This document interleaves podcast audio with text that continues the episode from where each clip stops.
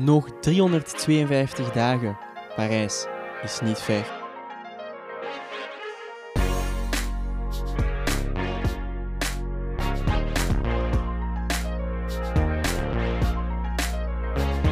Hallo iedereen en welkom bij een nieuwe aflevering van Parijs is niet ver, een podcast van studenten sportjournalistiek over de Olympische Spelen. Ik ben Thibaut. En ik ben Erben. En zoals u hoort zijn we deze keer met uh, twee presentatoren. En we hebben ook twee gasten. Ik ben Nicola de Kerpel, speler van de Belgische hockeyploeg, de Red Lions. En uh, dit is uh, Arthur de Slover. Ik ben Arthur de Slover. Ik ben 26 ondertussen en ook speler van de Red Lions. Ja, hallo. Hoe gaat het met jullie? Goed, we zijn druk bezig voor het moment. We hebben het EK die eraan komt binnen een goede twee weken. Dus ja, de podcast gaat over Parijs en uh, we gaan proberen om het EK te winnen om, uh, om ons te kwalificeren voor Parijs. Dus uh, drukke periode. Ja, Nicola, jij had de voorbije weken wat minder periode, hoorde ik. Ja, ik heb een last gehad aan de rug. tien dagen oud geweest. Het is natuurlijk niet ideaal om, om twee weken voor een groot toernooi uit te zijn, maar op zich valt dat wel in te halen. ik denk dat we fysisch gewoon echt altijd vrij scherp staan. En ehm, ja, als je een paar trainingen mist, is het nu niet een grote ramp ook niet. Maar het is niet de bedoeling om, uh, om te hervallen nu. Nee, we zitten hier in Antwerpen in een fantastisch mooi uh, trainingscomplex. Hebben jullie goed getraind vanochtend? Ja, toch wel. Uh, we hebben het weekend vrijgekregen omdat we afgelopen, afgelopen week naar Duitsland zijn geweest. We hebben daar twee oefenwedstrijden gespeeld. Dus ja, dat weekendje vrij deed wel deugd. En vandaag terug vol er tegenaan. Met nog oefenwedstrijd, denk ik, aankomende zaterdag tegen Frankrijk. Dat is onze laatste oefenwedstrijd voor de voor het EK. Dus ja, we zijn, uh, we zijn vol bek, uh, vol bek bezig. En ik denk, in dit trainingscomplex hebben jullie ook wel alles wat jullie nodig hebben om jullie ja, 100% voor te bereiden op, op die toernooien en die wedstrijden. Ja, klopt. We hebben uh, ondertussen, denk ik al twee jaar zitten we hier, Nico. of iets minder? Net na, nee, langer, hè? net na de Spelen van, van ah. Tokio. Hè? Ah ja, dus twee jaar. Ja, zoiets. Twee jaar op de kop ongeveer. Ja, echt een fantastische fantastisch complex. Eh, we hebben hier eh, een gigantische fitness eh, waar we alles kunnen, alles kunnen doen om, om fysisch top te zijn. En ja, zeg het maar, ijsbaden, een, een super kleedkamer waar we allemaal samen zitten. we kunnen hier allemaal samen eten ook na onze trainingen. Dus ja, echt wel alles, alles om goed te kunnen presteren. Ja, alles wat een topsporter nodig heeft eigenlijk. Ja. Klopt. Ja, maar dat spreekt natuurlijk niet van, voor zich. Ik bedoel, er zijn heel veel federaties die kunnen dromen van wat wij hebben, dus dat is wel uh, een, een, luxe. Uh, wat dat wij als atleten als brood nodig zien, is uiteindelijk een luxe. En ik denk dat daar een beetje het probleem nog ligt in de, in de Belgische sport. Is dat, ik denk dat in, de andere landen, de echte sportlanden, zoals uh, laten we zeggen, ja, de Engelse landen, hè, dus Engeland, Nieuw-Zeeland, Australië, Zuid-Afrika zelfs, als wij daar naartoe gaan met de nationale ploeg, dan zien we dat die infrastructuren daar echt ongelooflijk goed staan. En bij ons is dat nog misschien een beetje in een, uh, in een leerproces. En wij zijn daar misschien wel de eerste in, of, of de tweede sportfederatie die dat heeft. Dus we mogen, ons wel, uh, mogen onze polletjes kussen, zoals ze zeggen in het Antwerpse. maar wel een luxe die jullie misschien gekregen hebben na die fantastische prestaties van de laatste jaren. Ja, dat klopt. Maar dat was natuurlijk een project die al, al, op zijn poten stond. Maar we hebben het ook wel verdiend en het, en het zelf uh, ervoor gezorgd dat dit uh, hier kon staan. Ja. Jullie delen dit complex ook met de, met de vrouwen, met de Red Panthers. Is dat leuk om dat, om dat hier samen te zetten? Persoonlijk vind ik van wel. Ik denk dat we in het verleden uh, trainden wij in Contig op Beerschot en de dames weet ik niet waar zij trainden. Dus eigenlijk waren we vroeger apart, terwijl dat we nu uh, ja, veel vaker in contact komen met elkaar. Het is niet dat we heel veel uh, allez, samen zitten, want meestal zij trainen iets vroeger dan ons. Uh, dus dat we niet op hetzelfde moment eten en zo. Um, maar we zien elkaar vaker, we hebben meer contact, we, hebben, we zien ze ook vaker trainen. Dus we zien ook dat zij enorm aan het evolueren zijn. Dus ik vind het wel leuk, het schept wel een, een, een, een uniformiteit dat we allemaal samen zijn. Dan zou ik graag beginnen bij waar het begonnen is voor jullie. Want hoe zijn jullie alle twee bij hockey terechtgekomen? Um, ik denk dat dat bij 99% van de gevallen hetzelfde is. Dat is meestal uh, uw ouders die ook al hockeyden. Um, en als het nu ouders is, dan is het meestal een, uh, een klasgenootje of, of, een vriend die, uh, die wou hockeyen en die zei, ja, kom je niet mee? Bij mij was dat dus het, het eerste geval. En, en bij Arthur weet ik dat het hetzelfde geval is. Onze ouders en grootouders speelden ook al hockey. Dus we zijn er eigenlijk zelf een beetje in gerold. Um, maar de meesten spelen ook, naast het hockey, spelen ook ah, we hebben nog andere activiteiten. Hè. We hadden, ja, natuurlijk tennis, denk dat merendeels ook tennisten. Ehm, sommigen speelden voetbal op jonge leeftijd, maar daar is er niet veel van. Maar hockey is altijd, sinds jongs af aan, altijd wel in, onze, in ons bloed geweest. Allee, en, en, ja, ik denk dat iedereen sinds zijn vier of vijf al hockeyt, dus dat is al een, uh, een lange tijd. En wat spreekt jullie dan zo aan in hockey? Wat vinden jullie zo leuk aan? Of is het puur omdat jullie er goed in zijn dat jullie het doen? Uh, het goed zijn helpt natuurlijk wel. Um, ik denk, ja, zoals Nico zegt, heel onze familie uh, speelt hockey of, of, heeft iets met hockey te maken. Dus ja, je leert als van jongs af aan je vrienden kennen daar. En ja, ik denk dat, je daarom, uh, we het daarom super graag deden. En toevallig hadden wij talent en uh, zijn wij zo, zo tot, tot, tot bij de Red Lines geraakt. Um, ja, wat ik er leuk aan vind, ik vind, ik vind, ik vind sowieso een ploegsport top. Ik heb, ik heb ook getennist vroeger. En op een gegeven moment moeten we een keuze maken tussen vol voor hockey gaan of vol voor tennis. En voor mij was de keuze snel gemaakt. Een ploegsport. Ja, ik bedoel, op het veld is, is, is, samenspelen leuk, maar ook gewoon ernaast. Dat je ja, samen, samen iets kan drinken of, of dat je gewoon samen kan rijden naar, naar een verplaatsing. Ik denk dat dat, dat, dat wel helpt tegenover individuele sporten. En wanneer werd dan bij jullie duidelijk van, ja, er zit wel talent in, Goh, um, ja, bij mij, ik weet niet hoe dat bij u was, Nico. Bij mij was dat redelijk vroeg. Um, ik ben bij de jeugdreeks gekomen in, uh, in onder 15. Ik was toen 14 jaar. Um, en ik voelde toen wel al dat ik bij de betere was van mijn generatie. En ik heb eigenlijk alle jeugd, uh, jeugdreeksen overlopen: eh, onder 15, onder 16, onder 18, onder 21. eigenlijk ja, altijd redelijk gemakkelijk. Ik was altijd in de ploeg, ik heb altijd gespeeld. Um, nu, ik heb wel een beetje geluk gehad uh, bij de Red Lions. Toen ik, toen ik mocht aansluiten in 2017, was er net de verdediger die stopte. Dus er kwam net een plek vrij en ik ben toen eigenlijk mogen aansluiten of, of, mijn eerste stappen mogen zetten. En dat is vrij goed verlopen, dus ik ben er eigenlijk gemakkelijk ingerold. Dus ja, voor mij was dat eigenlijk redelijk natuurlijk en vloeiend. Bij u was dat een beetje anders, niet? Ja, nee, ja, op, op zeer hoog niveau was het bij mij iets later, maar het is vooral eigenlijk als je zelf al vier of vijf bent, voel je wel dat je eigenlijk ja, een bepaald niveau hebt die anderen nog niet, nog niet halen. En je beseft dat nog niet op die leeftijd, maar je bent vijf jaar oud en je speelt al met, uh, met, gastjes die zeven jaar oud zijn en je denkt daar niet over na, maar je rolt altijd mee met de, met de iets oudere generatie. En ik denk, jij met je club in, uh, in Kortrijk heb je ook op een heel jonge leeftijd altijd al heel veel ja, oudere gasten gespeeld. Um... Ja, dat is waar. Ja, ik, ik, speel natuurlijk in een kleinere club in, uh, in Kortrijk, waar, um, waar ik eigenlijk in lagere jeugdreeksen speelde. Dus eigenlijk tegen minder sterke ploegen. Dus dan is dat ook moeilijk om, om je te gaan vergelijken met, met eigenlijk de, de beste ploegen van je, van uw leeftijd. Maar zoals Nico zegt, ik heb, uh, ik heb ja, vaak eigenlijk met een één of twee jaar ouder meegespeeld. Omdat het niveau dan iets hoger ligt. En ook uh, op fysisch vlak is het ook is het ook anders uh, als jong gastje. Dus, dus ik heb daar heel veel bij geleerd. Ja, ja anders moet ook zeggen hoe het is. In West-Vlaanderen is, is hockey anders als je het vergelijkt met hier in Antwerpen. Veel meer clubs, vooral hier in Antwerpen zelf natuurlijk. Voelde je dat zelf ook toen je die overstap moest maken om, om naar hier te komen? Zeker, zeker. Ik heb, um, ik heb tot mijn 17 jaar in, uh, in Kortrijk gespeeld. Maar um, en ik moet zeggen, nu zijn er al heel veel clubs uh, bijgekomen de laatste jaren in het West-Vlaamse. Maar toen ik, toen ik nog jong was, toen ik 10, 10, 12 jaar was, ja, was, was er rond Kortrijk eigenlijk niks. Um, en ja, ik voelde natuurlijk al vrij vroeg die druk van, van buitenaf. Van ja, misschien is het tijd om, om een overstap te maken. Ik heb toen ook lang getwijfeld om, in, om naar Gent te gaan toen ik jong was. Maar het leek mij goed om, om zo lang mogelijk um, in, uw, ja, in uw veilige in uw comfortzone te blijven. Om, om nog bij te leren. Want ja, mijn ouders zeiden ook, je bent nog jong. Uh, is het, misschien is het vroeg als je nu al die stap zet. Dan gaat je misschien ja, te, snel, te snel te veel stappen zetten. Um, dus ik ben eigenlijk blij dat ik gebleven ben, want toen ik 15 was, mocht ik al meespelen met de Heren 1 bij, bij Kortrijk. En daar heb ik enorm veel bij geleerd. Um, dus ik ben blij dat ik, dat ik zo lang ben gebleven. Maar zoals ik zei, toen ik 17 was, ja, dat was het wel echt voor mij het perfecte moment eigenlijk om die stap te zetten. En ben ik toen naar, uh, naar Beerschot uh, gegaan. Ja, nu het hebben over de jeugdperiode en zo. Um, die eerste selectie bij de nationale ploeg, bij de jeugdploeg en zo. Hoe gebeurt dat? Is dat een telefoontje? Is dat een e-mail? Hoe, ver, hoe verloopt dat? Dus eigenlijk vrij simpel. Je hebt, um, je hebt de provinciale selecties.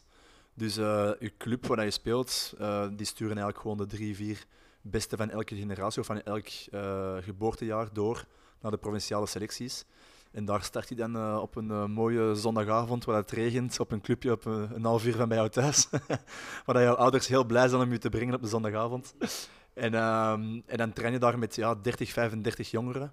En na denk, twee trainingen wordt dat een beetje gekut naar 25 en dan wordt dat weer gekut naar 20. En dan bepaald moment eh, haal je wel of niet de selectie eh, voor het, eh, het provinciaal toernooi, noemt het dan. Dat is wel een, een hele grote, als we klein waren, het provinciaal toernooi, als je daaraan deelneemde. Dat is altijd wel heel leuk. Ehm, en ja, eigenlijk heel simpel, op die provinciale toernooien zijn er natuurlijk ehm, mensen van de bond, mensen van de nationale ploegen die er, die er zijn om te kijken wie dat er wel presteert of wie dat er een uitzonderlijk talent heeft. En dan proberen ze dan eh, ja, jouw club of, of jou te, te bereiken om te zeggen van we zouden graag hebben dat je met ons komt meetrainen. Maar het is niet zoals in het voetbal, waar je elke week gescout wordt door mensen van de nationale ploeg. En die zeggen van, oh, jij mag eh, die periode komen trainen. Het is echt wel de bedoeling dat als je een keer gescout wordt op jouw, ja, dat is meestal 13, 14 jaar oud, dat je dan eigenlijk heel die generaties en, sorry, van nationale ploegen meedoet. Dus de meeste van ons die nu in de nationale ploeg spelen, ik zou zelf durven zeggen allemaal, hebben in de onder, onder 14, onder 16, onder 18, onder 21 gespeeld.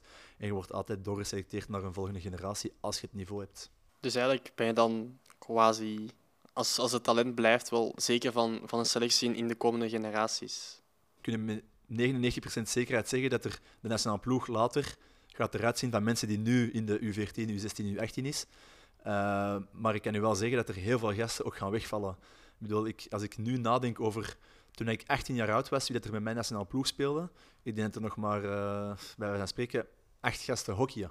En de rest is gewoon gestopt omdat ze dan zwaar zijn beginnen werken en, en dan niet meer kunnen, ja, kunnen aangaan om, op clubniveau te spelen zelfs. Dus ja, je moet keuzes maken in het leven en, en wij hebben natuurlijk een sportieve keuze gemaakt en anderen maken een even goede keuze voor het werk. Ja, meestal de 1 à 2 jongeren per generatie die, die eigenlijk doorstromen naar, Ja. naar dan de Red Lions, naar de top. Ehm, ik weet, allee, van, van, van mijn leeftijdscategorie, 97, eh, waren we met twee.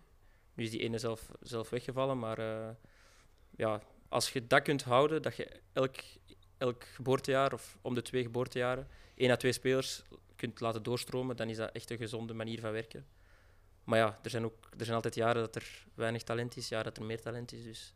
En nu bij de profs, hoe zeker zijn jullie telkens van een selectie, nu jullie al jaren vaste waardes zijn? Is dat nog bang afwachten voor bijvoorbeeld nu de EK-selectie? Um, dat, is, goh, dat, is, dat is een moeilijke. Ik denk, we zijn slim genoeg om, om wel aan te voelen uh, hoe, de, hoe de coaches, hoe de staf over ons denkt en, en hoe je in de ploeg zit. En, maar er zijn natuurlijk ja, altijd... Uh, kijk, de selectie nu van het EK, uh, Tom Boon is eruit gevallen.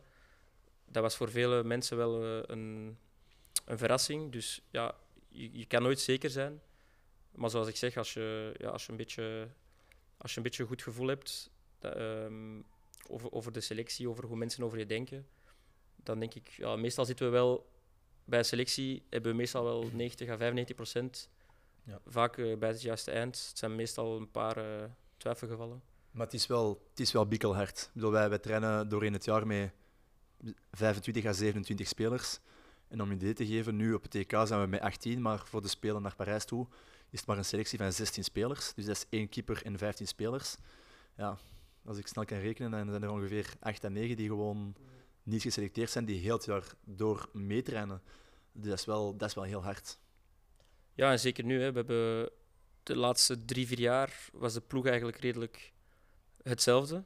En, en ja, natuurlijk, het komt heel vaak in de media dat we een oudere ploeg zijn. En, uh, en ja, hoe meer jaren er voorbij gaan, hoe, hoe meer dat, dat wordt gezegd.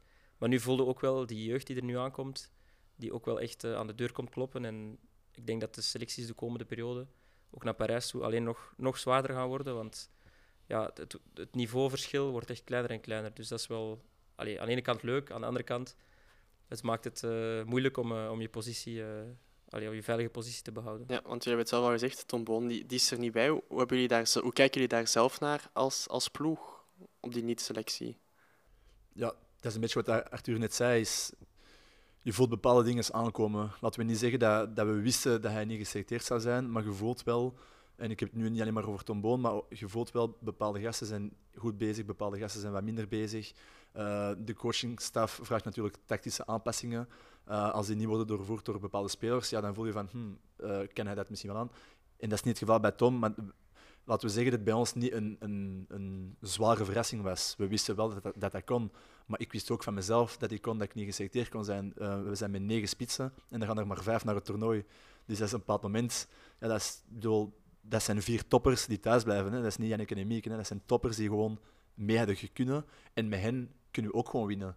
Dus ja, dat is heel hard. Uh, laten we gewoon hopen nu voor de ploeg dat hij gewoon echt correct reageert en dat hem volgend jaar echt de pannen van Tech speelt naar Parijs toe. Inderdaad, dat, dat hoopt iedereen, denk ik. Uh, jullie eerste selectie van AOB was in 2017, denk ik. Schept dat een band tussen jullie op die manier? Oh, dat is een goede vraag. Dat weet ik eigenlijk niet. Wij kenden elkaar al van voor de nationale ploeg in mindere mate, denk ik. Mhm. Ehm, toen ik er ben bijgekomen, ben ik er op hetzelfde moment bijgekomen als, een, als mijn uh, leeftijdsgenoot. En ik was toen met hem uh, heel close. We zaten toen ook samen in de, in de kamer en zo. Uh, jij had toen nog een ploegmaat van jou bij, bij de club waarmee, waarmee hij samensliep. Um, en ik denk dat wij sinds Goh, wat zal het zijn? 2000... Gewoon, gewoon slapen, hè, om duidelijk te zijn. Gewoon een kamergenoot. Uh, elk een apart bed. Maar um, ik denk dat wij sinds 2018 eigenlijk samen op de kamer liggen. Um, voor de selectie van 2K, denk ik. Omdat wij, ja, ik denk dat dat redelijk natuurlijk was, dat wij redelijk goed overeenkomen. Wij, hebben ook, uh, allee, wij speelden ook in twee gelijkaardige clubs, zal ik maar zeggen, qua, qua mentaliteit en qua, qua familialiteit. Dus um, ja, dat is redelijk natuurlijk gekomen. En ik denk dat wij, als ik mag zeggen, nooit echt uh, veel ruzie maken op de kamer of zo. Dus uh, we weten wanneer dat we elkaar rust moeten gunnen of wanneer dat we ja, elkaar, elkaar kunnen storen. Dus ja, ik denk dat dat voorlopig wel, wel goed werkt samen. Ja, Nico, je bent op je 24 jaar heb je, je debuut gemaakt. Misschien in hockey is dat iets, iets later. Hoe komt het dat je iets later misschien bij die nationale ploeg bent gekomen dan, dan de anderen? Levensgenieter. Oei. Um, ja, um, dat is een goede vraag. Wat ik daarnet zei, meestal speel je in, in de min 18, min 21. En als je dan te oud bent voor de min 21, als je goed genoeg bent, ga je eigenlijk door naar de A-ploeg. En mij hebben ze wel duidelijk gemaakt dat ze bepaalde dingen uh, niet graag zagen bij mij in, in mentaliteit, in, uh, in hoe dat ik het spel speelde. En, en uh, ik vond dat niet super hard. Ik was gewoon niet goed genoeg. Dus ik, ik ben dan beginnen studeren. En gelijk dat Arthur zei, misschien een beetje van het leven genoten ook. Maar dat, was, dat is ook een heel leuke periode. En op een bepaald moment, ja, ik heb, ik heb altijd wel alles gegeven in, in club. En als het dan goed genoeg is, dan zijn ze ook wel zo vriendelijk om te zeggen, je mocht er terug bij komen. um, en dan heb ik ja, gewoon, ik zou zeggen, ja, echt elke dag alles gegeven dat ik kon. En, en en nu ben ik wat ik ben. Dus daar ben ik wel heel trots op. En ik heb wel een parcours afgelegd dat, niet heel veel mensen hebben afgelegd. Uh, natuurlijk, er zijn anderen die al vijf Olympische Spelen hebben gespeeld. Bij mij is dat niet het geval. Uh, maar ik ben heel blij met de stappen en, en voilà, de keuze die ik heb gemaakt. Um, maar deze is wel een heel leuk leven, dus ik ben wel van plan om het uh, nog een paar jaar vol te houden ook. ja, je sprak al over de Spelen. Het was in 2017 dat jullie erbij kwamen, een jaar na die Spelen in 2016. Hoe voelden jullie die groep toen aan? Zat er nog ontgoocheling in die spelersgroep of was het al wat weg? Nee, um, ontgoocheling niet, want allee, ik denk dat jullie, als jullie de beelden nog, uh, nog eens gezien hebben, als zij toen allee, zeker waren van de medaille, die, die, die vreugde, die euforie van al die jaren hard werk, ik denk dat het net andersom was. Tuurlijk was er die ontgoocheling van de finale, maar die was heel snel weg. En de fierheid van de medaille was er. Wat, wat ik vooral heel uh, interessant vond als ik erbij kwam, is, is dat ik, ik voelde hoe, hoe, hard dat die groep samen hing. Want die hebben ja, natuurlijk iets waanzinnigs meegemaakt uh, in Rio op de Spelen. En je voelt, allez, je voelt dat dat mensen echt naar elkaar, naar elkaar toetrekt. En, um, en dat was voor mij wel moeilijk in het begin, om mij echt in die groep, uh, om mij daarin te werken. Ik ben iemand die van nature eigenlijk heel gemakkelijk aan een omgeving aanpast. Maar ik merkte wel in het begin van, oké, ik zal wel moeite moeten doen om hier, om hier echt bij die groep uh, te horen. En, allee, de, de, groep was super open om mij te ontvangen. Maar je voelt, ja, ze hebben bepaalde dingen meegemaakt samen, bepaalde connecties die er bij mij nog niet zijn, omdat ik nog zo jong ben. Dus dat was voor mij wel heel leerrijk om, om erbij te komen en, eh, en dat mee te maken. En ja, nu, nu ben ik een van, een van hen, dus nu, nu voelt het als normaal aan. Maar ik kan wel geloven voor de jongens die er nu, die jonge gasten die er nu bij komen, dat dat wel ja, moeilijk is om, om je aan te passen aan, aan die omgeving en om, en om elkaar te leren kennen en onze manier van spelen. Dus dat is wel echt een, een heel leerrijk iets geweest voor mij. Ja, bij mij exact hetzelfde. Ik weet nog die, die, eerste, die eerste fitnessmomenten samen, dat we, ik zeg nu maar iets, je moet een reeks van acht doen en je doet er zeven. En als ze dan zijn van, uh, zeg, je hebt er maar zeven gedaan, ze gaan onze medaille aan het knabbelen. Want ja, ze hadden wel een medaille gewonnen en jij wordt er eigenlijk bij als, als ja, Piet Snot, laten we zeggen. En, ik was van, dat was altijd over hun medaille en, en zij als groep. En ik voelde mij een beetje buitenstaander ook. En zoals Arthur zei, dat is, dat is heel moeilijk, want je moet bepaalde momenten beleven met hun om je eigenlijk part of the team te voelen. En dat is, dat is iets dat tijd nodig heeft. En, en je hebt daar wel een bepaald zelfvertrouwen voor nodig om te durven ja, om mee te gaan in die ploeg. En ik had daar ook wel moeilijk mee in het begin. Met die gasten allee, ja, en ook die, die gasten, ja, die, dat, zijn, dat zijn wereldsterren. Hè. Ik bedoel, wij, wij, kenden die jongens nog niet zo goed. Dus allee, ik, ik was 19 toen ik erbij kwam. Ja, ik keek naar die gasten nog op. Hè. Dus uh, dat was... Ja, in het begin durfde ook niet, niet, niet heel veel te zeggen of niet... Of niet uh, ja, ik weet niet, uh, met in een gesprek te gaan. Dus dat was ja, echt wel allee, moeilijk. Ja. Dat, was, dat was helemaal iets anders in vergelijking met nu. Dus ja... Want, want ik veronderstel ook dat jullie voor de tv gekluisterd zaten op de Olympische Spelen daar. Elke wedstrijd hebben gekeken. Uh, elke wedstrijd, dat weet ik nu niet, want dat is toch in de zomer, in de zomervakantie. Maar ja, ik weet bijvoorbeeld wel, de, de wedstrijd tegen Nederland, de halve finale, weet ik nog perfect waar ik was, met wie ik was. Ook de finale, dus ja, dat zijn natuurlijk dat zijn momenten... Op dat moment zijn wij supporter en, uh, en, en, en, leven wij mee. Dus, uh, dus ja, ik, ik kan wel ook ook goed voelen en snappen, onze families, wat dat ze hebben meegemaakt. Toen dat wij in Tokio waren, ja, dat, is, dat is stressen van begin tot eind. Hè. Nicola, hoe zou jij Arthur beschrijven als speler en als mens?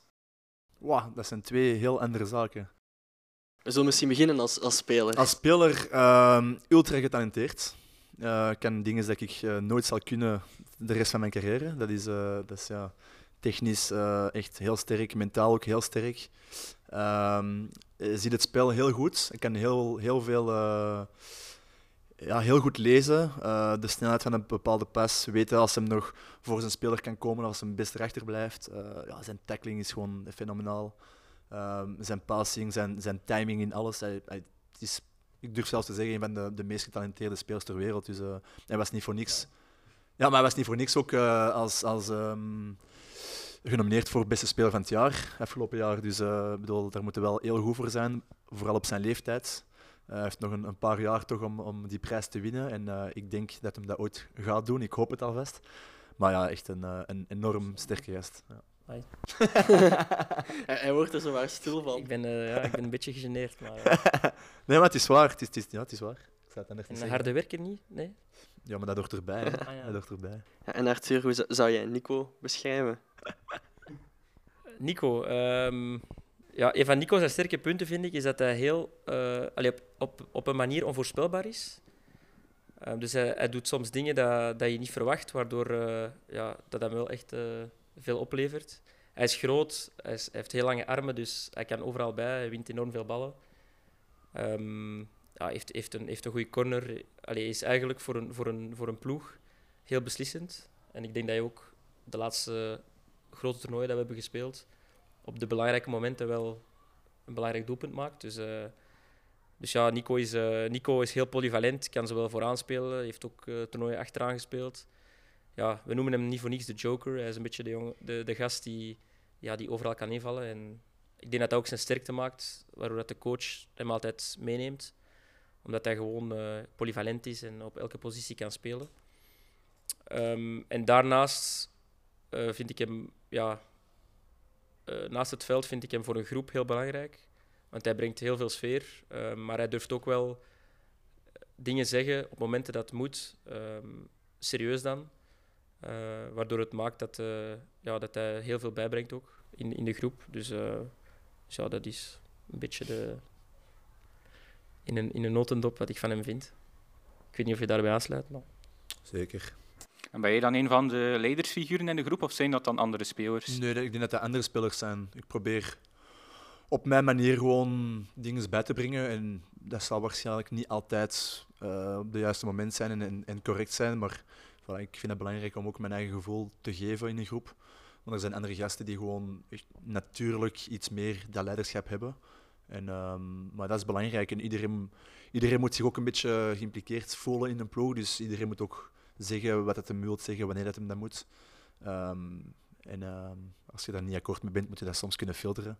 Maar er zijn andere gasten in de ploeg die, die denk ik een groter leiderschap hebben, zoals de kapiteins en de libero's, uh, dus de vrije mannen, waaronder Arthur. Um, voilà, die hebben dat meer natuurlijk in zich en um, ja, dat is ook normaal. Ja, ja wij zijn ook, allee, wij zijn nu al een tijdje in de ploeg, maar wij zijn nu een, een dikke zes jaar deel van de ploeg. Maar er zijn jongens bij die, die al meer dan het, du het, dubbele van onze, van onze jaren in de ploeg zitten. Dus dat zorgt er ook voor dat het ja, moeilijk is soms ook om, om leiderschap op te nemen. Ook al hebben we een enorm platform uh, van, van alle spelers en van de staf die, die ons de ruimte geven om, om dat leiderschap op te nemen. Maar ja, je hebt natuurlijk altijd uh, de, de, de, oudere generatie, Felix Nair, onze kapitein, uh, John John Domen, al die jongens die, ja, die, die zoveel ervaring hebben, die dat van nature dat leiderschap opnemen, dat het soms voor ons ja, niet nodig maakt. Ook al worden we er wel in gepusht om het wel te doen. Maar ik vind dat wel leuk, die balans van, uh, van de leiders te hebben of de oudere generatie te hebben. En dan wij, als we willen, ons steentje ook kunnen bijdragen. Ik denk, ik kan nu een, een, een schatting maken, maar van de 16 gasten die nu naar, uh, of laten we zeggen, de, in Tokio, de, de 16 gasten die geselecteerd waren, zijn er misschien 10 of 11 gasten die kapitein zijn in hun eigen club. Dus uiteindelijk heb je echt je hebt allemaal leiders mee. Snap je? Dus dat is, dat is, en de rest is waarschijnlijk vice-kapitein. Dus dat is, ja, iedereen heeft dat wel een beetje in zich. En dat hoeft ook om op zo'n niveau te geraken, heb je dat ook wel nodig. En zorgt dat dan soms ook ja, voor wat tegenstrijdigheid als veel kapiteins bij elkaar zet? Zeker. Zeker. En dat is, dat is natuurlijk de, de, de kracht van een heel goede ploeg. Is om, om ja, je ego opzij te zetten en om gewoon te aanvaarden dat iedereen goede ideeën heeft. En uh, uiteindelijk, en dat is het belangrijkste, als iedereen andere ideeën heeft, om gewoon uiteindelijk ja, te zeggen, oké, wat doen we nu? En dat iedereen zich daarbij aansluit. En als je dan vol een bak voor hetzelfde gaat, ja, dan gaat alles heel goed. Als er uh, tegenstrijdigheid is en uh, we zijn niet akkoord met hoe dat we het gaan doen, en dan wordt het moeilijk. Op welke manier hebben jullie nog de ploeg zien evolueren sinds 2017? Goh, um, dat is een goede vraag. Ik, um, ja, ervaring heeft sowieso een rol gespeeld. Uh, ze zeggen altijd dat je finales moet verliezen om er te winnen. Ik denk dat we daar wel misschien het meest... Ik heb daar het meeste uitgehaald, denk ik. Um, als ik zie hoe dat bepaalde jongens na een, na gewonnen halve finale, hoe rustig ze bleven om, om zich klaar te maken voor die laatste wedstrijd. Uh, dat vond ik heel interessant. En, en weet ik nu ook hoe ik, hoe ik dat moet aanpakken. Dus ik denk, ja, dat is één. Twee, de manier van werken. Ik denk dat we de afgelopen jaren enorm hebben ingezet op het fysieke aspect omdat onze sport wel ja, heel explosief is. En uh, als ik zie wat voor atleten dat, dat we gemaakt hebben uh, doorheen de jaren, ik denk dat we daar enorme stappen nog hebben gezet de laatste jaren. En, um, en dat is ook belangrijk dat we dat blijven doen met de jonge jongens die erbij komen, dat we ook enorm daarop inzetten. Um, ja, dat zijn voor mij de dingen die, die, die, waar we gegroeid zijn. Ja, ik, ben aan het denken. Ik vind, ik vind het heel moeilijk ja, er zijn e-, enorm veel dingen waar we elke dag aan, aan werken natuurlijk, maar ik denk ook de, de communicatie naar elkaar toe, om, om op de juiste manier iets te zeggen aan iemand, dat eigenlijk een, een leerproces is voor iemand, maar dat je hem niet neer, neerbuigend overkomt, maar dat je gewoon motiveert. Um, ja, er zijn heel veel dingen. Ja. En, en de, de, buitenwereld denkt ook dat wij alleen maar aan het groeien zijn, maar er zijn ook momenten dat wij twee stappen vooruit zetten, maar dan drie achteruit. En dat we dan terug samenkomen en terug, allez, terug een beetje naar de basis gaan. Van jongens, uh, waar zijn we mee bezig? Wat moet er beter? En dat we zo terug groeien. En ik denk, het is niet dat we, dat we altijd in stijgende lijn gaan. Er zijn momenten dat mhm. het uh, hoogconjunctuur is, laagconjunctuur. En we proberen ja, elke keer als het, als het minder gaat, uh, om, de, om de goede de goede zaken te, te gaan versterken. En ja, ik denk ook met, de, met het ouder worden, de ervaring, weet je ook voor jezelf wat je nodig hebt om, om het beste uit jezelf te halen. Mm. Ja, want de, de, mensen zien ons eigenlijk alleen op grote toernooien.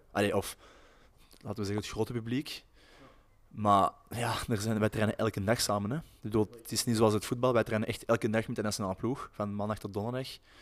Ehm, en dan in de zomermaanden, zelf ook op vrijdag en zaterdag. Ik bedoel, wij trainen heel veel samen. En ja, mensen zien dan zes maanden later, ze hebben gekeken naar het afgelopen WK, waar we dan de finale verliezen op shootouts.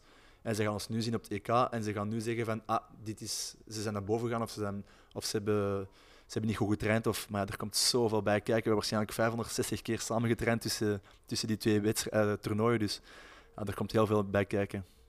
En het WK in 2018, was dat dan een soort van keerpunt of is dat te kort door de bocht? Omdat dan voor de eerste keer de generatie voor, succes, voor echt een houten succes kon toen was, toen, toen, was het er wel bonkop, zoals we zeggen. Ik denk wel dat, ik denk wel dat de ploeg daar heeft, zich heeft gerealiseerd van eigenlijk, we are the big thing nu.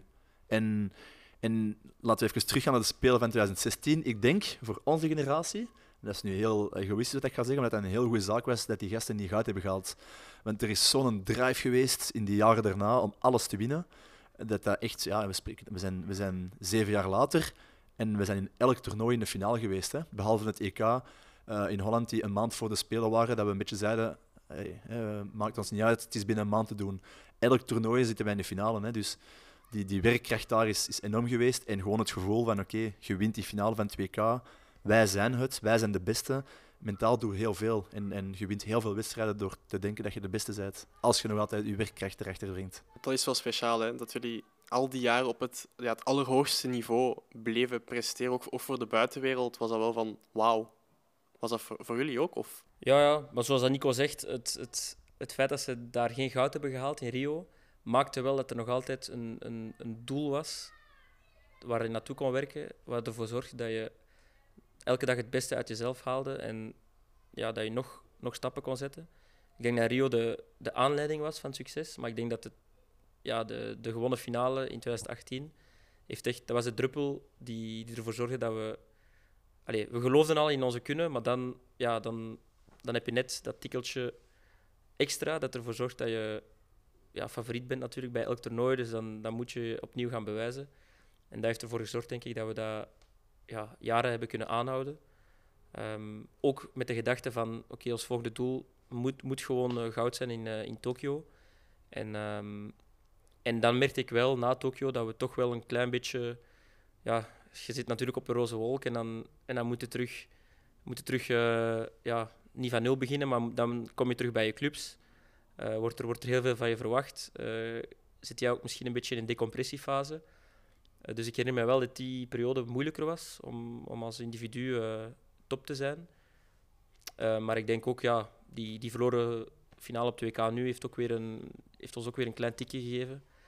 Uh, wat maakt dat we toch terug extra hard zijn aan het werken om, om ons doel te bereiken. Want voor de buitenwereld lijkt het alsof dat, dat het gemakkelijk is om zomaar toernooi na toernooi te winnen. Maar ja, als je niet elke dag het beste geeft of alles eruit haalt, dan, dan ga je, gewoon, dan ga je er gewoon niet geraken. Dus, uh, dus ja, dat heeft, dat heeft ons wel duidelijk gemaakt dat het, dat het echt elke dag erop moet zijn. Ja, het was eigenlijk ook het begin, die finale van, ja, van die spannende finales die volgden. Want ja, jullie lijken er ja, van thrillers ja, te houden. Neem ons eens terug mee naar, naar het WK, die finale, die shootouts. Wat herinneren jullie daar nog van? Van welke? De 2018 ja, of ja, ja. 2000? 2018, de finale, dus de eerste gouden medaille. Ja. Ja, misschien moet jij dat zeggen, want je hebt een shootout genomen. Is misschien... Ja, ja. Uh, ik weet nog, uh, de avond voordien, denk ik, zaten we samen op de kamer. Ja, ik heb een heel slechte nacht gehad natuurlijk. Uh, toch een beetje ja, stress. Met de gedachte van, oké, okay, dit is misschien once in a lifetime dat je in de finale van een WK gaat staan. Dat je de kans maakt om wereldkampioen te worden. Ik herinner mij ook dat ik tegen u zei van, amai, stel je voor, morgen, voor hetzelfde geld zijn wij morgen gewoon wereldkampioen. allee, hoe zot is dat? Uh, en dan die finale zelf. Ik denk, ik denk dat wij zo'n zo goede hecht team vormden. Dat het eigenlijk bijna niet kon fout lopen. Natuurlijk, shootouts blijft een, een beetje loterij en uh, het kan alle kanten op. Ja, ik heb dan natuurlijk de pech of het geluk, is hoe dat je het bekijkt, gehad om, om de beslissende shootout te mogen nemen. Die ik dan score, maar, maar de bal was op mijn voet. Dus dus uh, ja, ik weet nog dat ik, dat ik op dat moment... Ik, ik vier mijn doelpunt. En ik heb oprecht niet het besef gehad dat ik gewoon de bal op mijn voet heb gehad. Waarschijnlijk zo veel adrenaline en zoveel druk op dat moment om die goal te maken. Dus ja, e- eerst vier je, dan, dan blijkt dat het, dat het een fout is, moet je terug geconcentreerd zijn. Dus dat was echt een rollercoaster van emoties. Uh, maar toen dan ja, die beslissende shootout van Nederland gemist werd, was het ja, pure euforie en uh, ja, het begin van een mooie, mooie nacht. Was het een mooie feestnacht uh, na die finale? No comment. ja, toch wel. Uh, het was natuurlijk wel een, een, lang, een lang WK. Het was denk ik drie weken. Er waren dagen dat we, allee, tussen twee wedstrijden, dat we zes dagen geen wedstrijd hadden. Uh, je zit ook in India, waar dat niet de, de optimale omgeving is om, om, om ook ja, wel te rusten, maar er is niet veel anders te doen dan op hotel te zitten en, en te wachten tot als je wedstrijd hebt. Dus het waren wel drie redelijk slopende weken. Um, uw lichaam is ook wel vermoeid na, na zo'n toernooi. Dus ja, natuurlijk, we hebben gevierd en op adrenaline en zo, maar, uh, maar ja. Je zuipt het toch gewoon pegelen dicht, hè? Ja, zo moet je toch eerlijk in zijn. Dat is, dat is, gewoon, maar, dat is gewoon drinken tot als je niet meer kunt. Hè. Maar het voordeel is dat, dat, dat je een maand niet hebt gedronken. Dus, uh... Je bent heel snel zet. Ja, ik heb twee, twee pintjes gedronken en uh, ik was al. Uh, nee, ik maar er, valt, er valt ook niks te doen daar. Hè. Nee, dat was in het hotel, dat is in het hotel blijven. En ja. een paar journalisten die daar zijn, die, die iets meer drinken en mee op de ploeg. En dan, ja, makkelijk dat je dan niet ver naar je bed moet. Nee, dat is, dat is een voordeel. dat is een voordeel, ja. Nee, ja, er was inderdaad ja, niets te beleven. Het is niet dat we naar een, naar een discotheek of zo zijn gegaan. Het was echt uh, op hotel. Maar wel onder elkaar. Dat vond ik wel leuk. Ja, dat is wel We heel hebben leuk. wel echt uh, die overwinning samengevierd. En, want meestal, allee, bijvoorbeeld EK hier in Antwerpen dan, dat we dan gewonnen hebben. Ik, ik weet nog, ja, je viert samen op het veld. Dan kom je samen uh, met de familie, vierde nog. Maar dan gaat iedereen een beetje zijn eigen weg. er zijn er die naar de stad gaan, er zijn er die, die, die naar huis gaan. Ik weet het niet. Dus je viert eigenlijk niet allemaal samen. En dat was wel in India zo. Die eerste echte overwinning dat we samen hebben behaald, zijn we allemaal samengebleven van begin tot eind. Dus dat vond ik wel echt. Uh, ja, want tot, tot die nacht, maar dan de volgende dag zijn we nog samen. Gaan we samen naar, de, naar het vliegveld, we samen in die vlieger.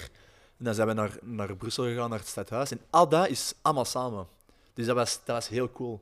Ook naar Tokio hebben we dan die, op die bus mogen, mogen zeg dat? paraderen. paraderen hè, ja. Ja. Dan zijn we wel samen. En er is wel iedereen zo rond, maar je blijft samen.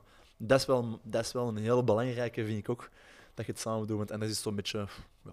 ja, want de Europese titel was helemaal anders. Dat was hier in België voor duizenden fans. Plaats je dan die wereldtitel hoger omdat het een wereldtitel is? Of zet je de Europese titel op dezelfde hoogte? Of ja, hoe zaten jullie het in? Ik plaats ze persoonlijk alle drie even, even hoog in, omdat dat echt... Bon, natuurlijk, binnen, binnen 30 jaar gaan we zeggen, ja, de Olympische Spelen natuurlijk. Uh, maar stel dat we ze nu winnen in Parijs, er, dan zijn er weer supporters bij. Dus het heeft, alles heeft zijn eigen dingen. Voor mij persoonlijk, het WK was het eerste, dus dat was zalig. Het EK was hier in eigen land. Ik woon hier op 200 meter, dus dat was ook zalig. En dan uh, de Spelen, dat is het summum van de sport. Dus ik zou nooit kunnen kiezen, qua gevoel, qua euforie, vond ik het alle drie even graaf. Ja, ik ook. Ik, oh ja, ik, ik vind nog altijd een Olympische gouden medaille het beste. Ook al waren de omstandigheden in Tokio niet, uh, niet super natuurlijk met de corona, maar, uh, maar ik, ik, plaats dat nog altijd op één. En dan voor mij WK en EK is echt puur op, dezelfde, op hetzelfde niveau. Want voor, voor je eigen publiek, je eigen familie, die zoveel ook heeft opgeofferd uiteindelijk voor, voor ons, om ze zoiets te kunnen teruggeven, ja, dat was, dat was gewoon prachtig. En, ja, krijg er nog een uh, trillende stem van. Um, dus dat was, ja, dat was fantastisch. En ja, die eerste titel was ook eigenlijk fantastisch. Ja, het was eigenlijk allemaal fantastisch. Ja. Zoals gezegd, het was allemaal op een andere manier top. Um, dus ik hoop dat we nog zoiets mogen beleven ooit, dat ook terug op datzelfde niveau is. Ja, je zei het al, Tokio, dat was met corona. Het werd een jaar uitgesteld zelfs. Vonden jullie dat jammer als groep? Want ja, jullie zaten in volle voorbereiding. Dat moet toch moeilijk zijn om plots een jaar verder dat doel te stellen? Ja, dat was, dat was heel, heel moeilijk. Ik denk dat we... Het moeilijkste eigenlijk was vooral dat we, dat we in zo'n goede flow zaten. We hadden net WK gewonnen, EK gewonnen. We waren eigenlijk op dat moment de beste ploeg van de wereld, dat mogen we zeggen. Dus we voelden van ja, die Olympische Spelen in Tokio, als dat in 2020 is, ja, dat kan niet verkeerd lopen, want we zitten in zo'n flow. En dan wordt dat uitgesteld. En dan denkt ah, Ju, we gaan een, allee, dat gaat ons ritme, een beetje breken misschien. dat zal er misschien ook voor zorgen dat de andere landen een, jaar extra krijgen om, om beter te worden. Dus dat speelde niet echt in ons voordeel, denk ik. Uh, ook mentaal natuurlijk. Ja, ik bedoel, we hebben op een gegeven moment, toen duidelijk werd dat het speel niet doorgingen, uh, we mochten ook niet trainen en zo. Dus we hebben toen, elke speler apart heeft, heeft een, een, bank gekregen, gewichten. En we moesten eigenlijk thuis apart ja, oefeningen doen. zo'n, eigenlijk een soort van mini-fitness dat iedereen thuis had. Alleen gaan lopen. Ik weet dat we toen ook beseften van, amai, die, die sporters die individuele sporten doen, chapeau. Want om zo alleen te gaan trainen, elke dag, regen, kou, noem het maar op, niet gemakkelijk. Um, dus dat heeft zeker mentaal wel invloed gehad. Maar ik denk dat we, ja, zoals, zoals we al gezegd hebben, we waren zo sterk als ploeg. Ook mentaal, dat we daar, dat, dat, ons, ja, dat heeft ons eigenlijk niet echt uit ons lood geslaan. Um, ja, misschien kan het zijn dat het voor andere landen ook hetzelfde was, hè, die, die daar ook misschien mentaal uh, moeilijk mee hebben gehad. Maar um, ja, al bij al heeft het geen rol gespeeld, maar ik denk dat het ons zeker niet geholpen heeft. En jullie gingen natuurlijk met één ambitie naar Tokio en dat was voor die gouden medaille. Uiteraard. En hoe gingen jullie daar dan mee om richting het toernooi? Want ik neem aan dat er toch veel media druk proberen te leggen en zo. Of gaan jullie daar als groep goed, goed mee om met de druk van de media? Ja, ik, denk dat we, ik denk dat we dat extreem goed doen. En uiteindelijk die, die druk komt niet van de media, die komt van ons. Wij hebben als eerste gezegd dat wij voor goud gingen. Um, ik weet nog heel goed. Er waren, waren journalisten op 2K uh, op de luchthaven van Zaventem toen we naar het WK 2018 gingen. En de titels waren gewoon van alle spelers. Wij willen terugkomen met goud. Dat waren niet de journalisten of iemand anders die dat zei, dat waren wij. Dus die druk hebben ons altijd wel bij ons eigen gezet. En het is ook normaal nu dat de, dat de media en de Belgische fans niks anders verwachten van ons dan goud. En wij zijn daar uh, helemaal akkoord mee. Ja, en dan um, gaan we even het toernooi zelf bekijken. Um, die groepsfase ging heel erg vlot met zegens met 9-1 en 9-4. Kunnen jullie dan als groep rustig blijven van zeggen van oké, okay, dit, zijn pas, dit zijn maar opwarmertjes? Of is er toch al euforie in de groep dan tijdens die fase? Welk toernooi was dat? In Tokio, toch? In Tokio. Ah, in ja, Tokio, oké. Okay. Ja, ja, over de Spelen zelf. Over de ja, zelf, goh, ja. we weten natuurlijk... Allee, we weten natuurlijk welke landen uh, uh, favoriet zijn en, uh, en ja, tegen welke landen we zullen moeten vechten om, om, om een medaille te halen. Dus ja, de wedstrijden dat je wint met 9-1 zijn ook, ja, ik wil niet arrogant zijn of zo, maar dat zijn, dat zijn must-wins voor ons. En we weten dat we die wedstrijd uh, 9 op 10 gaan winnen. Um, dus of dat, dat nu met 9-1 is of met, of met 2-1, dat maakte voor ons eigenlijk niet veel uit. Ik denk dat dat vooral goed was voor het zelfvertrouwen om, om, om zoveel te scoren en om, ja, als ploeg dat het allemaal goed, goed draaide. Um, ook het feit dat we de eerste twee wedstrijden meteen Duitsland-Nederland uh, hebben gespeeld, allebei gewonnen, ja, ja, de vibe staat gewoon super. Dus, um, dus ik denk dat ook daardoor is dat we dan tegen de wat, zwakkere uh, ploegen, tussen aanhalingstekens, zo goede zo goede resultaten hebben behaald. Dus, maar ja, zoals, zoals we al gezegd hebben, wij gingen voor goud. Dus die groepsfase, ja, dat was eigenlijk maar een, een formaliteit dat we daar moesten doorgeraken in een zo goed mogelijke positie natuurlijk, om, uh, om ons de beste kans te geven om naar de finale te gaan. Maar ja, voor ons persoonlijk, allee, als groep, begon het toernooi eigenlijk pas in de kwartfinale. Ja. Dat was daar is het mentaal ook wel heel hard. Dus alles is, alles is voorbereid om mentaal klaar te zijn voor die kwartfinale. Want uiteindelijk, je moet top 4 eindigen van, het, van je pool, waar dat je met zes landen bent. Ja. En als je top 4 eindigt, gaat in de kwartfinale. Je wint de kwartfinale, dan heb je twee wedstrijden voor een medaille. Je verliest de kwartfinale en je mag naar huis. Dus alles speelt zich in de kwartfinale en dan is het eigenlijk match per match. Dus ja, dat is, dat is een mentaal heel zwaar op dat moment. Maar, en ik denk dat we zelfs 1-0 achterkomen tegen Spanje in de, in de kwartfinale. Ongoal van mij. Om, een omgoal, ja, een halve omgoal. Um, dus ja, een gecontesteerde goal ook, want ja, was de bal wel of niet in de cirkel. Uh, maar dan, dan besef je pas eigenlijk hoe sterk mentaal wij toen stonden. Ja, um, je viel ook uit tijdens de groepsfase met een blessure. Hoe ging je daarmee om? Mentaal, ja, hoe was dat? Ja, inderdaad. Ik, ik, uh, ik weet nog, uh, ik pak de bal af van een, van een Duitser en ik val met mijn voet eigenlijk, of ik stap met mijn voet op zijn voet. En ik, uh, ik scheur mijn, of ja, ik denk dat mijn ligamentje gescheurd was van, in mijn enkel. En dan kijk je eigenlijk alleen maar naar de staf. Van ja, allee, de medische staf en, en naar de staf dat ze beslissen van wachten we op u. Want normaal tijdens de spelen, tijdens een normale spelen, heb je een reserve. En als jij dan geblesseerd bent, dan mag die reserve in jouw plaats spelen, maar je mag niet terugwisselen. En ik had het geluk dat het eh, door de COVID-games ehm, mocht je eigenlijk elke wedstrijd een nieuwe selectie maken. Dus je mocht eigenlijk met 18 gaan, maar maar met 16 spelen. Dus ik had het geluk dat ze zeiden, kijk, we hebben vertrouwen in jou. Eh, die speler gaat nu drie matches spelen, maar jij mag achteraf terugkomen. Dus eh, ik heb ook gewoon ja, hard gewerkt. Ik bedoel, dat waren maar een paar dagen, maar elke dag wel mee bezig zijn om, te, om zo snel mogelijk terug te zijn. En ik dacht gewoon mentaal, oké, ik ga gewoon fris zijn voor wanneer die kwartfinale start en ik ga gewoon alles geven. En ik, ik, heb daar niet veel moeite mee om, om wel technisch terug op gang te komen, maar gewoon fysisch of mentaal heb ik daar niet heel veel moeite mee. En was het misschien ook extra lastig om... Ja, je zat daar, het was corona. Ik vond het zelf dat je familie en je vrienden daar niet waren op dat moment. Als je dan geblesseerd uitvalt, moet toch mentaal wel lastig zijn. Ja, mensen stellen veel vragen en dat pakt gewoon wat tijd in, maar op zich is dat oké. Zolang dat de medische staf zei van ja, je bent maar uh, zes dagen oud of, of wat dat ook was, dan, dan knop omdraaien en klaar zijn voor die kwartfinale en gaan. Ik, bedoel, ik stel me daar niet te veel vragen bij. Ja, uiteindelijk winnen jullie dan die kwartfinale en ook de halve finale, dus al zeker van een medaille. Hoe leven jullie dan toe naar die finale? Is dat dan al opluchting van die medaille of nog echt nee. Vol verhoud? Ja, jawel. Ik weet nog dat wij weer in de kamer zeiden van die medaille hebben we wel. Maar, maar dat is echt gewoon die, die halve seconde van oké, okay, die hebben we al. Ja. Maar uiteindelijk het is gewoon volle focus naar het Ja, en, en opnieuw uh, het geluk dan, tussen aanhalingstekens, dat, dat zij in Rio dan geen goud hebben gehaald, is dat ook die honger bij hun, allee, bij de oudere generatie, dan zo groot was om toch nog voor dat goud te gaan. Ja, ik denk dat we... Dat was eigenlijk een luxe positie voor ons dan. Want we hadden al onze medaille, ja. maar je voelde aan alles aan iedereen dat, dat, dat enkel goud goed genoeg was. Dus ja, dat was eigenlijk een...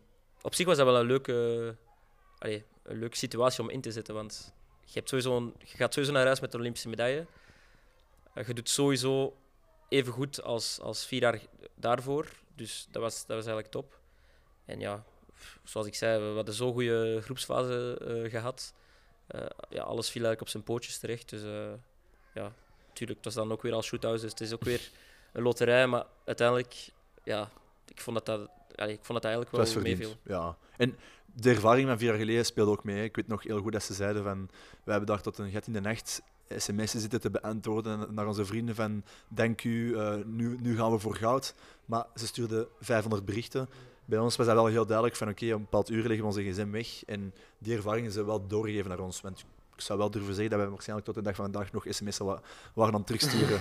dat er zoveel binnenkomt. Maar dat is, ja, dat is wel de ervaring die zij hebben toen gebracht, was wel belangrijk.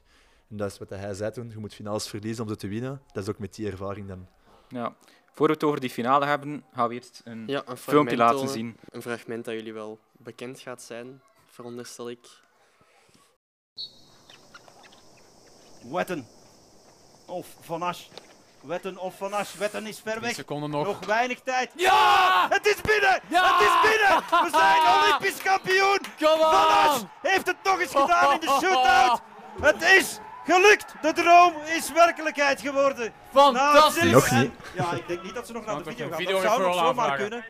Ja, ze hebben niks meer te verliezen. Oh, dus ja, ja, het was een klein slag op de stick misschien wel. Uh, Martin, I have a decision for you. Yeah. It touched the player, but not deliberate. Ja! Therefore you can award a retake. Oh, a retake! retake. Oh, a Jesus retake. Christ. Ai, ai, ai, ai. Wat een zenuwspel. Er komt die wetten. En daar komt Van Asch goed op het been. Ja, ja, ja, ja! En nu is het gedaan! Ja! Afruiten! Nu is het echt goud! Ja, ja! De Kerpel heeft de camera gezien. Pakt hem gewoon twee keer. Van Asch is weer de held. Wat een feest! En nu gaat zelfs Van den Heuvel uit de bol. Altijd zo nuchter, die Nederlander. Hij neemt over met goud na deze Spelen. Ze hebben hun droom waargemaakt. Het zilver van Rio is goud geworden. En McLeod probeert er ook tussen te komen, want die is zo klein, je ziet ik zie het aan jullie alle twee. Jullie hebben bijna heel het fragment gelachen. Hè? Ja, ik bedoel, dat zijn wel allee, dat zijn herinneringen voor het leven. Hè? En goede herinneringen. Dus als je, als je mij ooit niet ziet lachen na zo'n fragment, dan is er een serieus probleem. ja, kippenvellen. Ook, uh, ook de commentatoren zijn, uh, leven hard mee, dus dat, dat, maakt het ook wel grappig. Uh, ja, we kunnen het blijven zien het, blijft, het blijft speciaal. Ja, twee keer Olympisch kampioen worden in vijf minuten, dan hebben we er nog niet veel gedaan. Nee. En Het enige spijtige aan dat fragment, elke keer als ik het opnieuw bekijk, dan zie je die lege tribune erachter. Hè. Ja. En die is enorm. En je moet je voorstellen dat, er daar, dat je daar je families in ziet. Of Ja. je, ik bedoel, daar, dat gaat echt hard omhoog. Daar kunnen veel mensen in dat stadion en er was gewoon niemand. Dus dat is, ja, dat is wel een, een droom om, om misschien zelf hetzelfde, laten we zeggen in shootouts, gewoon echt, maar dan met al onze supporters met de Belgische vlaggen erachter. Dat zou wel echt magisch zijn. Of als er iemand met AI of zo ooit eh, dat fragment wilt overpakken en onze, onze familiekoppen erachter wilt zetten, dat zou, eh, dat zou een heel mooi cadeautje zijn. Is dat nog altijd het mooiste dat je kan hebben in hockey, winnen na shootouts? Nee, gewoon winnen. Gewoon winnen, maakt ja. echt niet uit als het 10-0 is of 2-1. Het, ja, het enige is, die, die spanning, dat maakt het wel. Want je leeft wel voor die spanning en de aanloop naar en tijdens. Maar uiteindelijk, als je die finale wint, hoe dat ook is, allee, persoonlijk. Ja, het is, het is, het is, de euforie is harder. Hè. Als je, als je 3-0 voor staat en het is nog vijf minuten, dan bereid je al voor op de, op de euforie en dan heb je dat misschien iets meer onder controle, denk ik. Het is zoals, eh zoals eh, Mathieu van der Poel, die nu het WK wielrennen wint. Ja, hij wist op, eh, op, op vijf kilometer van de streep, ah, ik ben sowieso gewonnen. Dus je begint al, alles gaat, er gaat van alles door in je hoofd. Dus ik denk dat dat bij ons ook zo is. als, Ja. als, je, als je het op shootouts wint, is dat gewoon een explosie van, van emoties. Dus Dat ja, waar, ja. op dat vlak is het mooier, maar doe mij maar gewoon zoals op het EK hier in Antwerpen, 5-0. eh, boeken dicht en, en gewoon zonder stress. Ook omdat ik weet dat mijn mama in de tribune zit, die enorm veel stress heeft Ja. op die moment. Mijn, vri- mijn vriendin ook. Dus eh, om dan, eh, allee, om dan op, eh, op zo'n manier te winnen, is, is, is voor hun ook wel leuker, denk ik. Ja, want hoe hebben jullie die shootout zelf beleefd? Je hebt, je hebt er zelf in genomen. Ik denk, de stress moet daar nog net iets groter zijn dan op het WK eentje nemen. Ja, ehm, nu, ik was wel blij dat ik in mocht nemen, want natuurlijk die shootouts van het WK heeft wel op dat moment ook in mijn hoofd gespeeld. Ik heb die toen gemist op het WK, dus ja, ik wou absoluut scoren en, eh, en mijn foutje dan rechtzetten.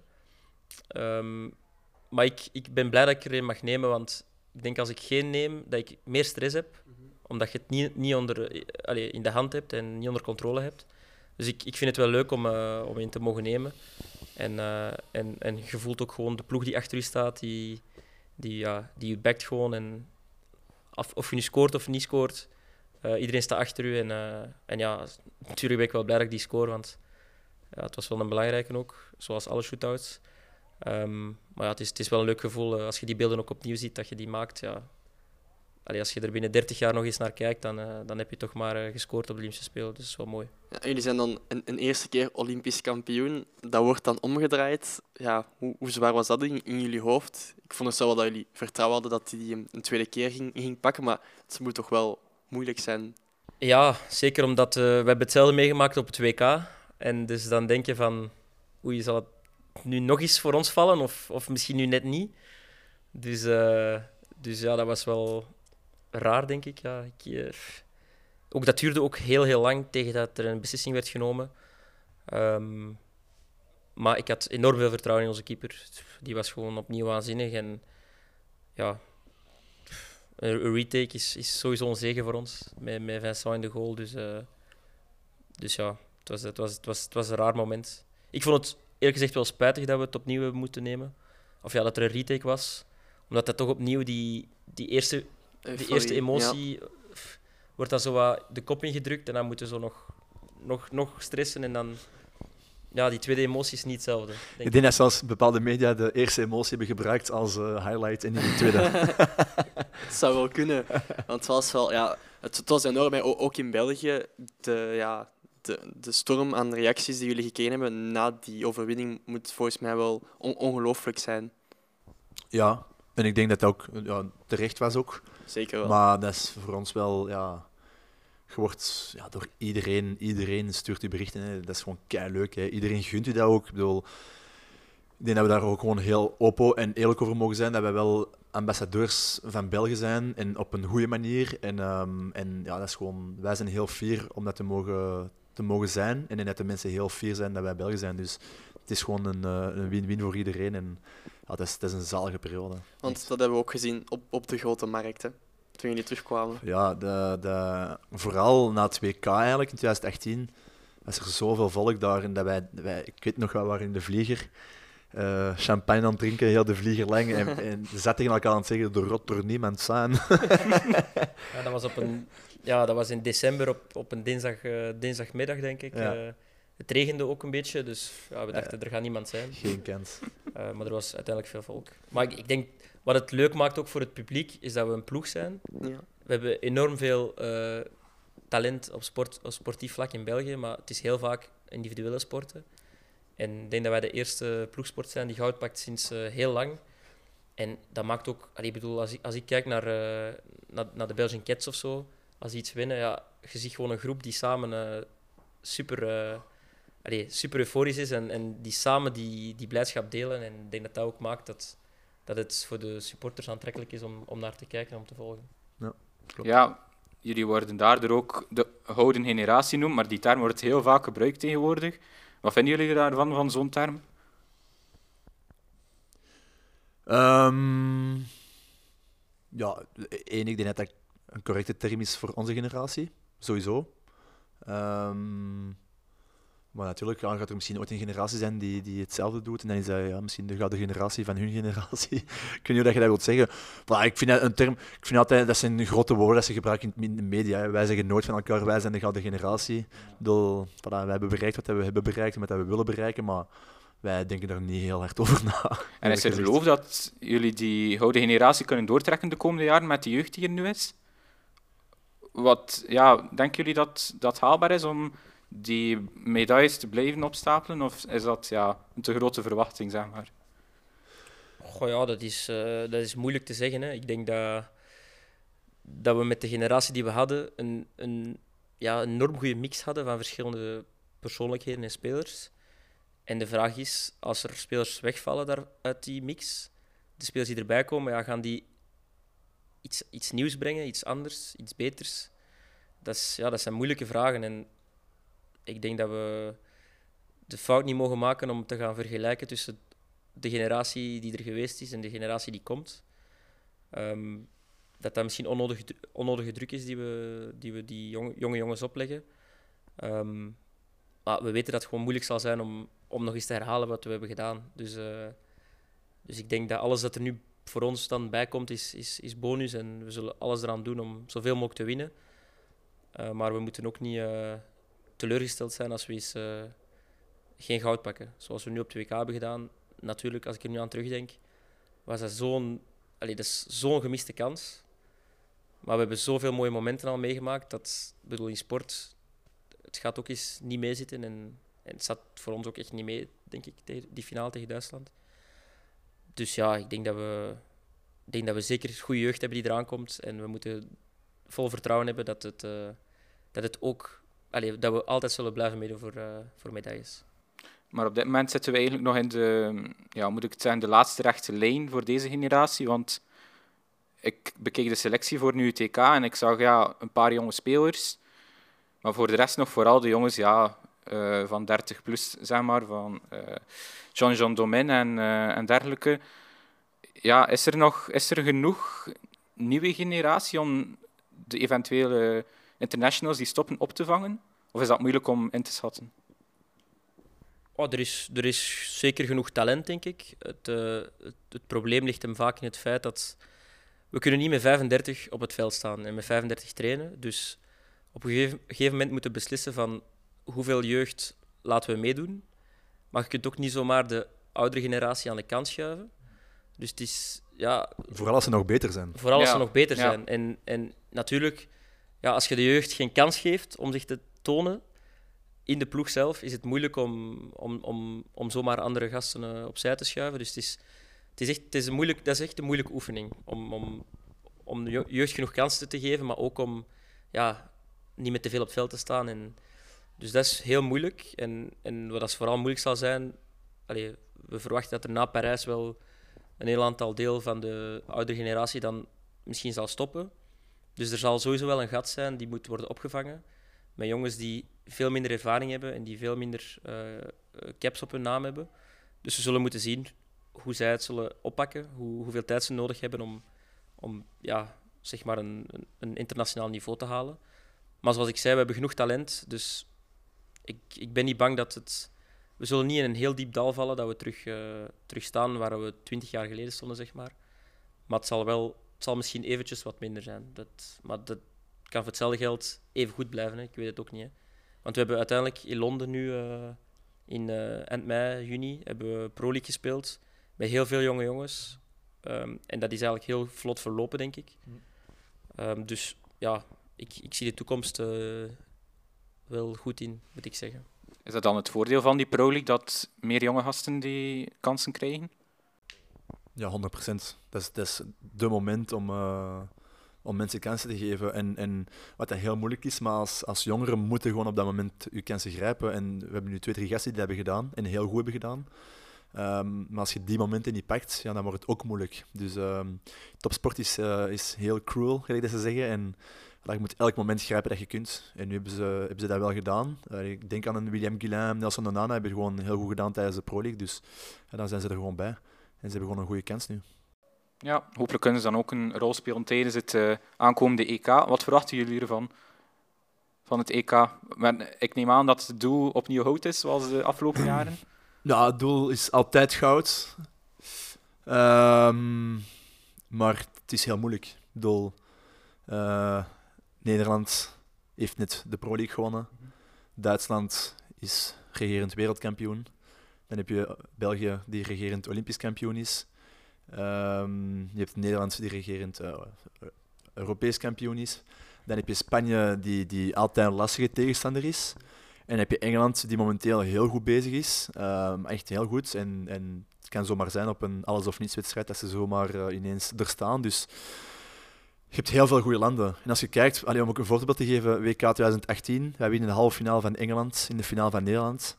WK nu uh, in januari, we winnen in de halve finale van Nederland, verliezen in de finale van Duitsland. Dat zijn allemaal Europese ploegen. En oké, je hebt wel Australië, je hebt Nieuw-Zeeland, Argentinië, dat zijn allemaal toplanden. Maar Europa is gewoon bijzonder sterk. Dus het is een, een extreem moeilijk toernooi om te winnen. En ja, de, de expectations zijn goud, we gaan voor goud. Maar als we niet goud halen, is het geen ramp ook niet. Um, dus. Ja, houdt zo wel een Olympisch ticket opleveren. Zijn jullie daarmee bezig dat dat eraan verbonden is? Of? Heel hard. Ja, ja. ja sowieso. Want uh, als we meteen uh, geselecteerd zijn voor de, of gekwalificeerd zijn, ja, dan kunnen we met een uh, gerust hart toewerken naar, naar Parijs. En anders moeten we in januari een kwalificatietoernooi gaan spelen. dat is nog niet bekend waar het... Allee, we weten dat het in, in Spanje is en in Pakistan. Maar dus ja, voor hetzelfde geld moeten wij januari naar Pakistan, wat ook geen, uh, geen cadeau is. Um, dus ja, dat, dat maakt het sowieso moeilijker om, uh, om, om, het, allez, om het goed te doen. Want als je kan toewerken naar een, naar een toernooi, in, in allez, de Spelen in Parijs, dan, dan werk je toe om op dat moment te pieken. En als je eerst nog moet kwalificeren, moet je eigenlijk op één jaar tijd twee keer pieken. En we hebben in het verleden al gezien dat dat moeilijk is. We hebben in, voor Tokio hebben we ook het EK gespeeld. En daar hebben we niet slecht gespeeld, maar hebben we ook niet ons beste niveau gehaald. Omdat het gewoon moeilijk is om twee keer echt, echt te pieken. Dus uh, ik denk dat het sowieso voor ons een voordeel is om, om meteen gekwalificeerd te zijn. Maar zoals Nico zegt, als het, niet, als het niet zo is, dan is het niet zo. En dan zullen we op onze weg er ook wel geraken. Maar, um, maar ja, laten we hopen dat we gewoon uh, goud pakken en, uh, en veilig naar Parijs kunnen. Ja, wij hadden in de vorige aflevering hadden we uh, Judith van der Meijeren te gast. Um, zij vertelde dat ja, nu het volgende, dat het Olympisch kwalificatietoernooi is dat je top 3 moet spelen om te kwalificeren. En bij de vorige spelen was het nog zo dat er rechtstreeks, rechtstreeks kwalificatieduels waren. Waarvan zijn jullie het meest voorstander? Goh, dat is een heel moeilijke vraag. Ik denk um, in het vorige systeem, waar je gewoon twee wedstrijden moest spelen tegen een rechtstreekse tegenstander, uh, omdat wij wel, ik denk, wij zijn eerste of tweede of derde van de wereld. Wij spelen tegen een ploeg die normaal rond nummer 14 stond. Dat is een ploeg waar wij normaal altijd van moeten winnen. En dan spreken we niet over 1-0, maar meestal over allez, gemiddeld 5-0. Dus daar is de kwalificatie bijna, bijna zeker. Nu uh, speel je tegen, tegen vijf ploegen in, op een korte periode. Uh, waardoor dat je eigenlijk nog meer kansen hebt als je sterker bent om je te plaatsen. Maar ja, als er iets misloopt, bijvoorbeeld, we gaan naar Pakistan en iedereen valt daar ziek door het eten of door bepaalde dingen, dat kan zomaar. Hè? Ja, ja, en dan, uh, ja, dan ben je ineens niet gekwalificeerd. Dus je hebt, je hebt het, ja, ik vind het alle twee moeilijk. Um, ik, ik zou niet durven zeggen waar wij de meeste kansen in hebben. Nee, nee, maar ik denk het voordeel wel aan, aan het systeem dat er nu is met die, met die poules, is dat je wel, je kunt je wel veroorloven om, om, Een fout te om een maken. fout te maken. Ja. Want dan, moet je gewoon, dan weet je gewoon van, oei, dan moeten we misschien winnen van, van een top 10 land in de wereld. ehm, of een top 5 land, ik zeg maar iets. Ehm, dus ik denk dat het, ja, we hebben ook nooit een rechtstreeks duel moeten doen voor Nee. kwalificatie, dus we weten ook niet hoe het, hoe het voelt. Maar ik weet wel, bijvoorbeeld Nederland heeft toen tegen Pakistan moeten eh, kwalificeren en ze hebben toen heel, heel lastig gehad De eerste wedstrijd. de eerste wedstrijd. Ehm, dus ja, dat zijn wedstrijden ook. Als je, als je vroeg voorkomt in die eerste wedstrijd en, en het dan gewoon gemakkelijk over de streep trekt, ja, dan heeft de, de, allee, de tegenstander het al opgegeven voor de tweede wedstrijd. Maar ja, het blijft een, kwalifica allee, een kwalificatiewedstrijd voor een Olympische Spelen. Dus Ja. ja. al die ploegen staan gewoon zo, met zoveel goesting op het veld. En het moet gewoon maar een beetje verkeerd lopen of, of, of het wordt moeilijk. Ehm, maar ja, zoals Nico zegt, de- de- er is allebei, voor allebei te over allebei iets te zeggen. En Ja. ik denk persoonlijk wel dat die poelen ons, ons wel ligt. Ja, maar als je nu kijkt, want je zegt van der Meijeren, ik denk voor de Panthers eh, die zich vier jaar geleden niet hebben geplaatst, omdat ze een rechtstreeks duel tegen China zijn verloren in shootouts. Ik denk dat zij het wel heel leuk vinden dat er Ja, nu een denk- is. dat denk ik ook. Ja, zij vertellen dat ook, dat ze veel meer voorstander is van dit systeem, omdat ja, je hebt veel meer kansen om eh Voilà. kwalificeren. En dan nog misschien om, om het ja, Olympische verhaal af te sluiten. Vorige keer waren er geen fans. We hebben ook al een paar ja, Olympiërs gehad. Ze zeiden de beleving daar, dat was gewoon naar, de tra- naar het trainingskamp terug, eh, op de hotelkamer, wedstrijd terug. Ehm, nu is het in Parijs. Dat is bij wijze van spreken naast de deur. Zeker voor- voor jou, want ja, vanuit Kortrijk is het niet echt heel ver meer. De familie, de fans, de Belgen, dat gaat echt ongelooflijk zijn. Zeker, zeker voor jullie. Iedereen die er vorige keer niet bij was, die gaan er nu wel willen bij zijn. Ja, ik hoop het. Hè. Ehm, ik weet natuurlijk niet, ja, de, de tickets zijn nu al verkocht. Dat is ook allemaal heel snel geweest. Ik weet niet wie dat er allemaal tickets heeft kunnen bemachtigen en wie niet, maar eh, ik, ik geloof wel dat er heel veel volk gaat zijn en dat gaat ons alleen maar meer pushen om, eh, om eh, ja, dat extra metertje te doen. Je moet gewoon eerlijk in zijn. In topsport gaat het altijd extra hard, heel hard. Maar als je ouders er zijn, of je vriendin, of je vrouw, of je kinderen, dan kunnen altijd net ietsje meer. Dus dat wordt wel heel, heel plezant. Ja, het is, het is... Ik weet dat mijn ouders ehm, gingen sowieso niet naar Tokio gaan, omdat ze het... eh, ja, het was ver natuurlijk en, Dat is heel duur. en het was ook heel Ja, duur. ja. Dus zij zeiden toen ook van... We gaan niet naar Tokio, maar we gaan... Allee, als, je, als het Parijs is en, en, en je haalt selectie, dan... Allee, dat zullen sowieso komen. En ze hebben nu zelf al, eh, al een huisje ge- gehuurd in, eh, in de, allee, rond Parijs om, eh, om, om er heel de Olympische Spelen lang bij te zijn. En, en om heel veel mensen, vrienden uit te nodigen bij hun om daar te komen kijken. Dus ja, het leeft enorm hard ook bij, bij de familie en de vrienden. Dus dat maakt het voor mij, voor ons, alleen maar leuker om, om, om, er, om er te gaan zijn en om het beste van onszelf te geven. Ik heb zelf, ben zelf naar Londen geweest in eh, 2012 met mijn familie. En die beleving als, als supporter, als buitenstaander in de tribune is... pff, Ja, Olympische Spelen is, is, zo, is zo groot, is zo waanzinnig. En om, om dan te beseffen dat zij, ons gaan, zij naar ons gaan Mhm, komen ja. kijken, is, ja, is, is, is, gewoon, eh, is gewoon fantastisch. Dus eh, ja, ik hoop dat we er allebei zullen staan en dat we ook terug eh, iets moois kunnen teruggeven aan, aan hun. Ja, en dan hebben wij nog een vaste slotvraag die wij stellen, ehm, die misschien voor jullie makkelijk te beantwoorden zal zijn, want met welke prestatie zullen jullie tevreden zijn in Parijs? Als jullie erbij zullen zijn natuurlijk, want dat is nog niet zeker. Dat is een heel, dat is een heel goede vraag. Want we zeggen wel altijd, we gaan voor goud. En ik denk aan jou de vraag heb gesteld, als we morgen, als we morgen voor zilver moeten mogen tekenen, teken je dan of niet? En dat is, dat is een hele moeilijke. Dat is een moeilijke. Dat is een moeilijke. Want je Dus, eh, beseft op dat moment, ik weet nog hoe je antwoord was, we spelen sowieso terug de Olympische finale. Dus heel die beleving van Mhm. begin tot eind is gewoon extreem. Maar ik denk dat wij zoveel kansen hebben om, om te winnen. En allee, de rest heeft ook kansen, maar Mhm. we hebben echt zo'n goede kans om te winnen dat ik, ik denk dat ik gewoon echt, ik zou gewoon all the way niks tekenen tot, tot dan en, en gewoon terug Ja. voor goud zou willen gaan. Ja, en, en alles hangt ook af van het gevoel. eh, de, de, de weken en de maanden voor, voor Olympische Spelen dan.